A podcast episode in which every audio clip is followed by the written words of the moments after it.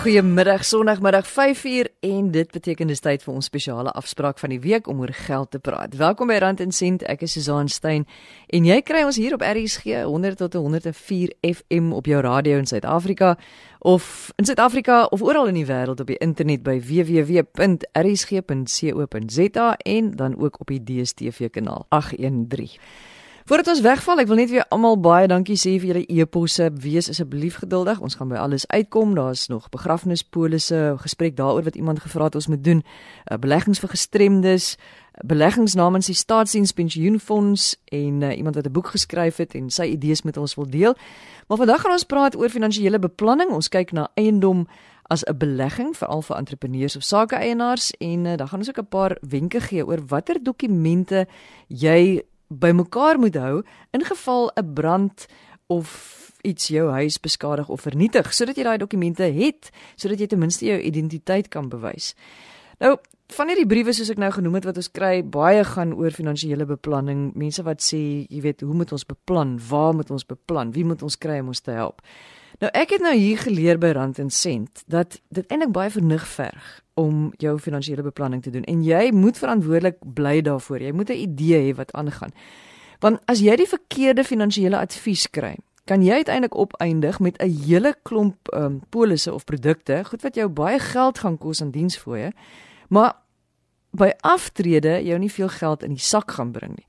Andrew Griesel is van Proverty Wealth. Hulle doen finansiële beplanning en risikobestuur en hy is weer hier by ons in die ateljee. Andrew, jy sê jy kry baie of wat jou baie opval in die bedryf is finansiële beplanning wat nie altyd uitvoerbaar is nie. Presies wat bedoel jy daarmee? Ek wil so ver gaan om te sê dat meeste van die beplannings wat ons teekom is nie uitvoerbaar op die lang termyn nie. So as jy gaan kyk na hoe is die samestelling van die kliënt se portefeulje, dan kom jy agter dat as hierdie kliënt dit moet probeer volhou tot 65 of waarna, dat iewers gaan 'n wiel begin bakkel en iewers gaan die wiel begin afkom. Ek het onlangs 'n geval gehad van 'n kliënt wat R55000 'n maand betaal aan versekeringsprodukte. Daarvan is R7000 verspaar, die res is vir lewensversekering. So en toe ek deur sy beplanning gaan en sê maar okay, wat is jou werklike behoefte? Toe was hy dubbel oorverseker rondom lewens en dubbel oorverseker eh, rondom ongeskiktheid as jy na die beplanningsareas gaan kyk, dan is aftrede nog steeds jou grootste waarskynlikheid van gebeurtenis, die kans dat jy wel 65 haal.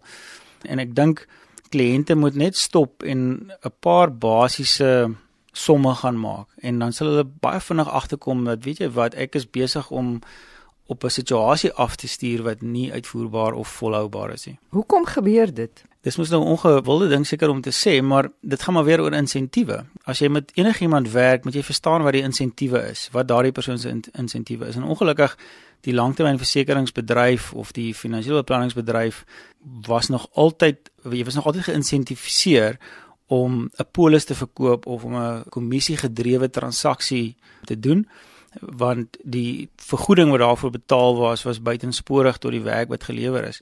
En dit manifesteer op die einde van die dag in die planne wat ons sien. Jy weet iets soos beleggingsbeplanning, uh, veral as jy maandeliks belê, daar's min geld in te maak vir die persoon wat dit aan jou aanbeveel. Veral op die kort termyn. Dis 'n baie langtermyn verhouding vir die persoon wat jou daarmee help actually finansiëel daaruit voordeel trek. So ek dink dit speel ongelukkig 'n baie groot rol. En krediet vir die reguleerders, ek meen daar het baie wetgewing ingekom oor die laaste paar jaar wat daai gedrag probeer beïnvloed en probeer stuur in die regte rigting en die wegdoening van aanvanklike kommissie op produkte dink ek is 'n groot stap in die regte rigting. En van wanneer af gaan dit nou in werking tree? Jesus, jy vra my vas. Uh, ek meen hulle hulle hulle skuif die paal of die wenstreep, ek weet nie wat jy wil noem, skuif hulle relatief gereeld maar ek meen die progressiewe finansiële beplanners het lankal dit aangeneem. Nou as jy nou 'n kliënt is of jy's 'n luisteraar vanmiddag en jy jy hoor hierdie ding, waarna moet jy gaan kyk in terme van fooie? Wat moet jy weet? Okay, hierdie betaal ek met 'n goeie hart want dit is werklik die fooie wat gehef word. Maar hierdie begin hom nou vir my 'n bietjie baie raak en dit raak nou onnodig. Hierdie begin amper 'n gesprek op sy eie te raak en dit is watse tipe beplanner het jy? Jy weet en en die mense daar buite sukkel om te onderskei tussen wat is 'n finansiële beplanner en wat is iemand wat produkte verkoop.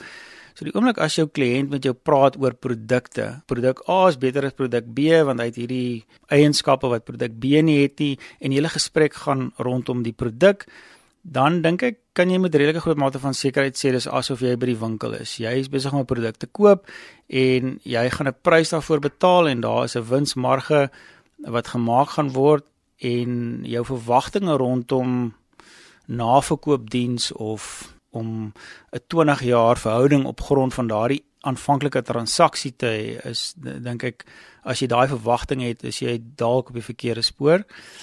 Finansiële beplanners uh, of professionele finansiële beplanners fokus glad nie op op produk nie. Ehm um, hulle fokus op die uitkoms. Wat wil wat is dit wat jy wil vermag en gaan jy daar kan uitkom? En dis waar die hele holistiese beplanning belangrik raak en waar die uitvoerbaarheid van planne belangrik. Maar daar is tog soms wat jy 'n produk moet koop. Ja, absoluut. So 'n produk, 'n versekeringsproduk glo ons is 'n means to an end. So jy weet jy wil jy het 'n spesifieke risiko area wat jy wil aanspreek of dit nou korttermynversekering of langtermynversekering is, maak nie saak nie. En daarvoor het jy produk nodig en ja, daarvoor het jou adviseur produkkennis nodig. Maar dis onthou produkte is redelik gestandaardiseer. So dis nie asof maatskappy A eenvoudig 50 of 60% beter is as maatskappy B nie. Daai gesprek is amper van mindere belang as hoe pas dit in in my totale prentjie en is hierdie geld wat ek hier spandeer volhoubaar? Onthou vir al die soos lewensversekering raak soos 'n raak soos 'n geweer teen jou kop. Hoe ouer jy raak, hoe moeiliker raak dit om daai premies te stop en sielkundig raak dit baie moeilik. So as jy finansiëel nie goed genoeg gedoen het tot op daai punt, jy gaan jy dit gaan jy dit eintlik net nie kan volhou nie. Jy praat nou van produkte, miskien moet jy net vir ons 'n paar voorbeelde gee dat dit mens mooi verstaan presies wat is hierdie produkte. Algemene finansiële beplanning, jou tipiese produkte of jou tipiese risiko areas waarna jy kyk is lewensversekering, doodsdekking, ongeskiktheid, beroepsongeskiktheid en uh, persoonsongeskiktheid en natuurlik iets soos gevreesde siekte.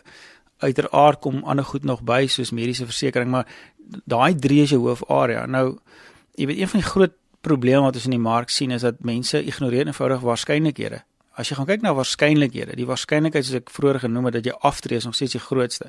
Dan waarskynlik dood voor 65 en dan heel laaste ongeskiktheid. Ongeskiktheid is nogal raar, veral as jy in 'n sekere marksegment beweeg van mense wat hulle eie besigheid het of wat graag wil werk of wat hulle rol in die samelewing sien as is om te werk. Daardie tipe mense raak baie moeilik ongeskik. Hulle mag dalk tydelik 'n siekte of 'n ongeskiktheid hê, maar hulle gaan gewoonlik terug werk toe. So jy jy sal tipies nie 'n groot deel van jou beplanning aan daardie komponent wil spandeer terwyl die risiko daar eintlik die laagste is van alles nie. Die groot vraag vir my bly nou dat jy weet as jy iemand het met 'n paar miljoen wat jy graag gaan wil belê, dan is dit baie maklik om toegang te kry tot 'n soort finansiële beplanner wat vir jou gaan help in jou toekoms gaan beplan en hy gaan daar wees vir jou en hy gaan jou hand vashou.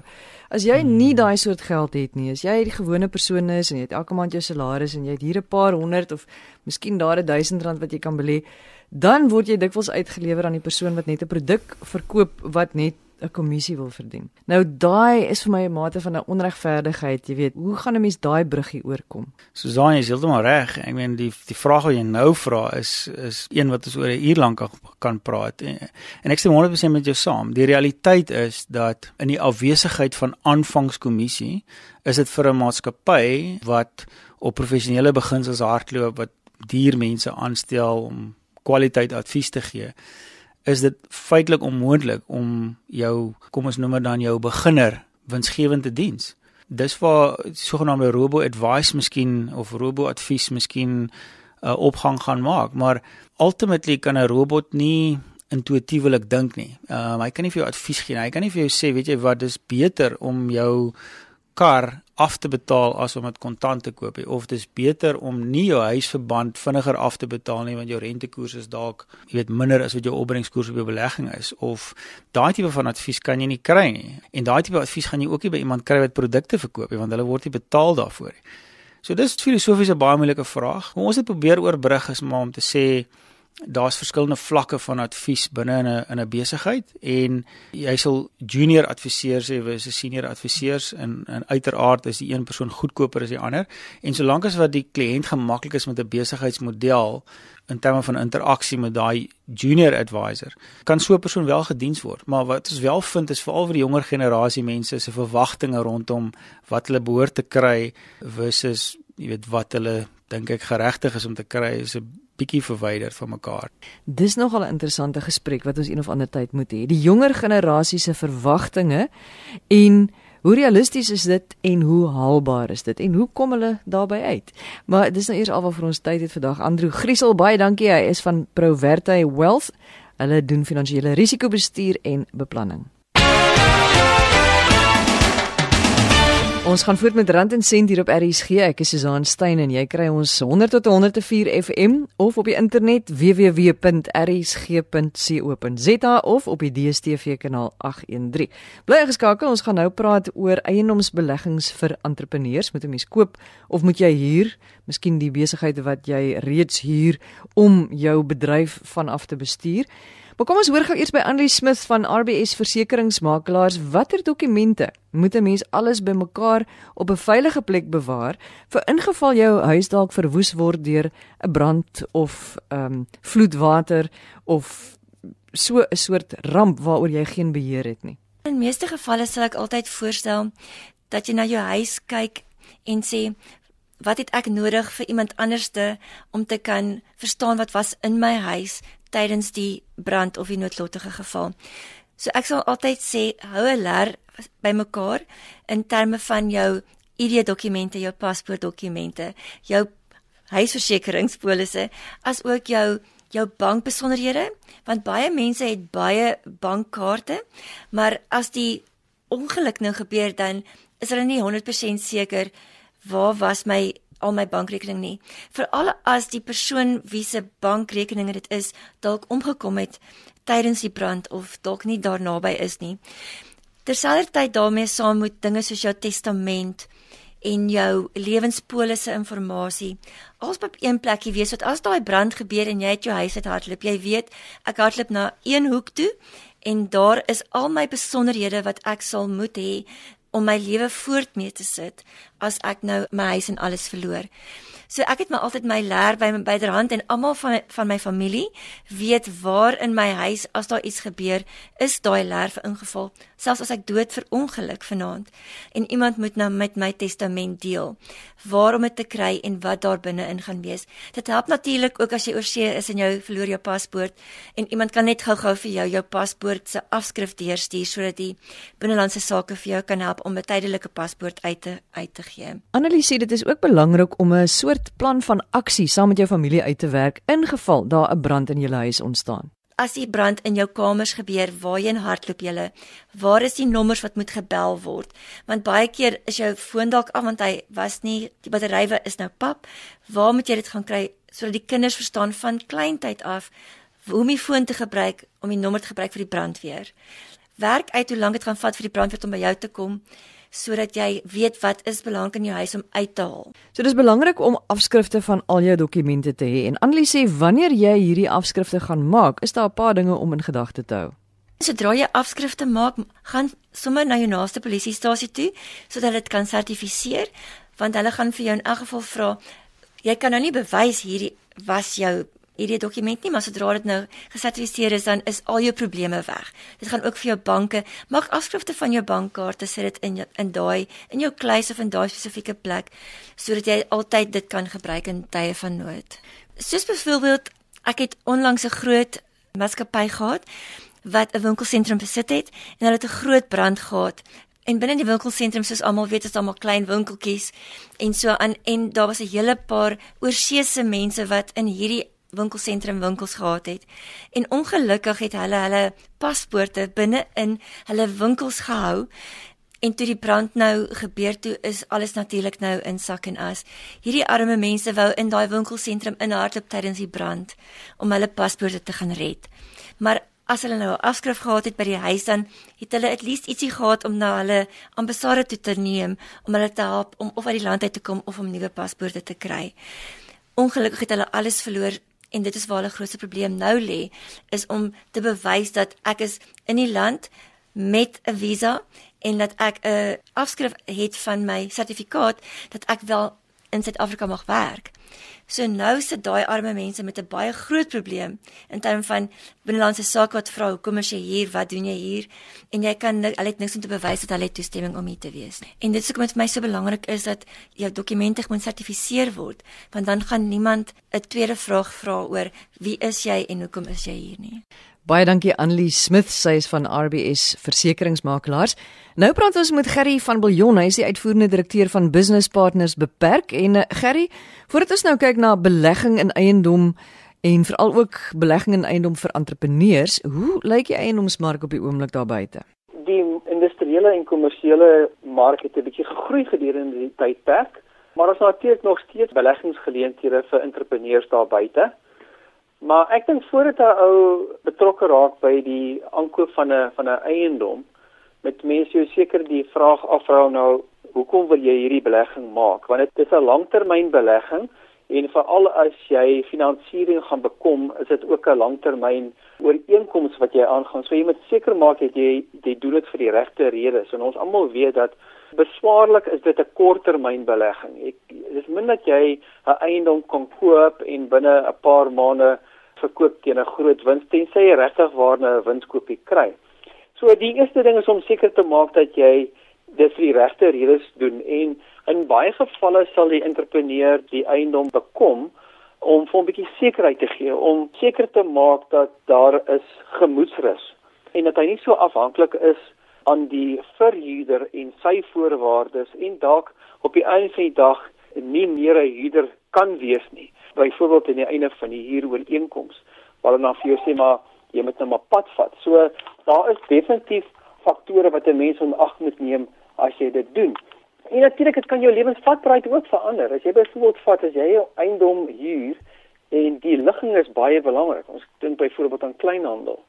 Ehm um, aan die einde van daai periode sê die verhuurder vir jou, jy weet, kry nou maar vir jou iets anderster. Dan is jou hele lewensvatbaarheid van jou van jou besigheid is in gedrang. So baie keer sal 'n uh, entrepreneur die eiendom kom vir daai strategiese redes om seker te maak dat aan die einde van die huurperiode dat hy nog steeds daar kan wees en natuurlik nog in besigheid kan wees. Dis nie 'n korttermyn transaksie nie en klein sake eienaars is ook 'n bietjie ongedissiplineerd as dit kom by spaar. Maar hulle sit gewoonlik hulle hulle geld alles in die onderneming self en die aankoop van 'n eiendom is dikwels ook deel van hulle kyk maar sê pensioen vir 'n langtermyn beplanning waar hulle die eiendom afbetaal oor 'n periode van tyd en dan aan die einde van die periode het hulle 'n goeie bate wat hulle dan het sy kan verkoop of hulle kan dit verhuur en sodoende 'n maandelikse inkomste kry. Gerry, daar's verskillende onderafdelings binne die eiendomsmark. Wat is hierdie verskillende uh, dele en hoe vaar hulle op die oomblik? Daar's twee groot kategorieë. Die eerste een is die residensiële gedeelte wat bestaan hoofsaaklik uit huise en woonstelle, kloshuise En dan aan die ander kant die kommersiële gedeelte. Dis nou goed soos kantore en kleinhandel, industriële areas, industriële parke, pakhuise en so aan. So dit dis die twee groot kategorieë. En as ons kyk na die statistieke wat aan ons bekend is, is dit dat die residensiële mark het sedert 2005, 2006 begin swaar kry en dit is veral gedeeltes binne in daai mark wat eintlik 'n negatiewe groei getoon het waar jou goedkoper eenhede hulle sê die goue bedrag is so min of meer 'n miljoen 1.2 miljoen maksimum. Daai mark is nog steeds aan die gang omdat daar soveel kopers in daai mark is, maar die boonste gedeelte van die mark was onder of nog steeds onder geweldige druk. So daar het ons nie vreeslik groei gesien nie. Maar as dit kom by kommersiële eiendom is dit natuurlik 'n heeltemal 'n ander saak en dit is dat die pryse van eiendom uiteindelik nie afgekom nie. En die vraag was altyd maar as die ekonomie onder druk is, hoekom sal die pryse van kommersiële eenhede nie ook afkom nie? Die rede daarvoor is dat beleggers beskou nog steeds eiendomme as 'n goeie langtermynbelegging en sal vir hulle beter opbrengste gee as byvoorbeeld om hulle geld in 'n kontantbelegging te sit. So dit is die rede daarvoor en as jy kyk na hoeveel die die eiendomsmark in daai gedeelte gegroei is dit nogal indrukwekkend. Jy weet ons praat van in 2014/15 was daai uh, belegging 1.3 triljoen. So dit, ons praat van baie geld waar hoofsaaklik die koöperatiewe omgewing het die grootste belegging daar gemaak. En uh, ek kan verwag dat in in die toekoms sal beleggers nog steeds beskou as 'n as 'n goeie belegging vir al langtermyn. Okay, maar dis nie almal van ons wat 'n groot kommersiële eiendom kan gaan koop nie. Hmm, dis baie waar en uh, vir 'n entrepreneur om maar te begin met jou eie eiendom is seker die beste want daar speel jy natuurlik nou die huur af teenoor die paaiement op die einde van die dag. En ons weet daar's nogal 'n redelike verskil as jy begin, as jy beg, as jy huur en jy koop 'n eiendom is die periode vergelykbaar kontant gelykbreek so tussen 4 en 5 jaar wat dit sal beter wees kontant gewys om te huur as om te koop. Maar daarna is dit natuurlik beter om jou eiendom te besit. So die gelykbreek is, is min of meer daai tydperk, maar natuurlik die ander faktor wat 'n ou in gedagte moet hou is dat daar's koste verbonde as jy jou eie eiendom het wat jy nie noodwendig het as jy huur nie. Byvoorbeeld die erfbelasting gedeelte, die onderhoud van die gebou, die versekerings van die gebou ehm um, ensovoorts. Dan is daar ook deesdae iets wat nogal gewild is, 'n studenteverblyf. Ja, nee, dit is definitief so. As ons kyk na daai gedeelte van die mark is ook 'n mark wat die laaste paar jaar geweldig gegroei het en daar's nog steeds 'n tekort aan studente akkommodasie.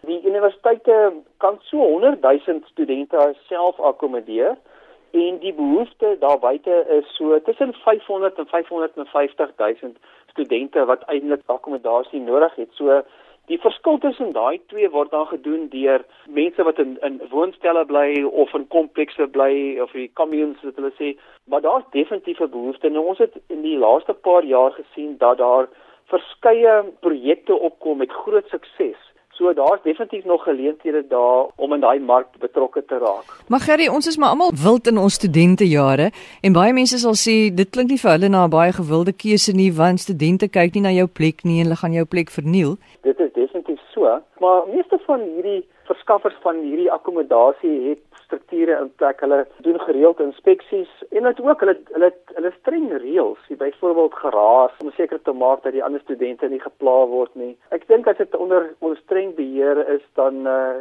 dan kan dit nog steeds werk. Wat sou jy sê as jy nou vir mense moet wenke gee, die die die beste wenke of die dinge wat 'n mens in ag moet neem as ja. jy besluit goed, ek stel hier in belang, ek wil graag 'n eiendom belê.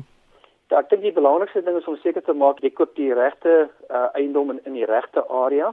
Dat ons neem hulle emosionele besluit om te sê maar ek hier nou al hierdie plek vir 20 jaar en nou gaan ek die plek koop, maar intussen is in die verkeerde area of hulle betaal te veel daarvoor so om behoorlike huiswerk te doen voordat hulle betrokke raak by so 'n projek sal baie sin maak. En gebruik maar buite mense om vir jou ook raad te gee, byvoorbeeld die waarde van die eiendom en wat gebeur in die omgewing sodat 'n ou want dit is 'n langtermynbelegging hierdie en jy maak hy besluit een keer maar die gevolg draai vir 'n geruime tyd. So gebruik maar professionele mense om jou te help in die proses.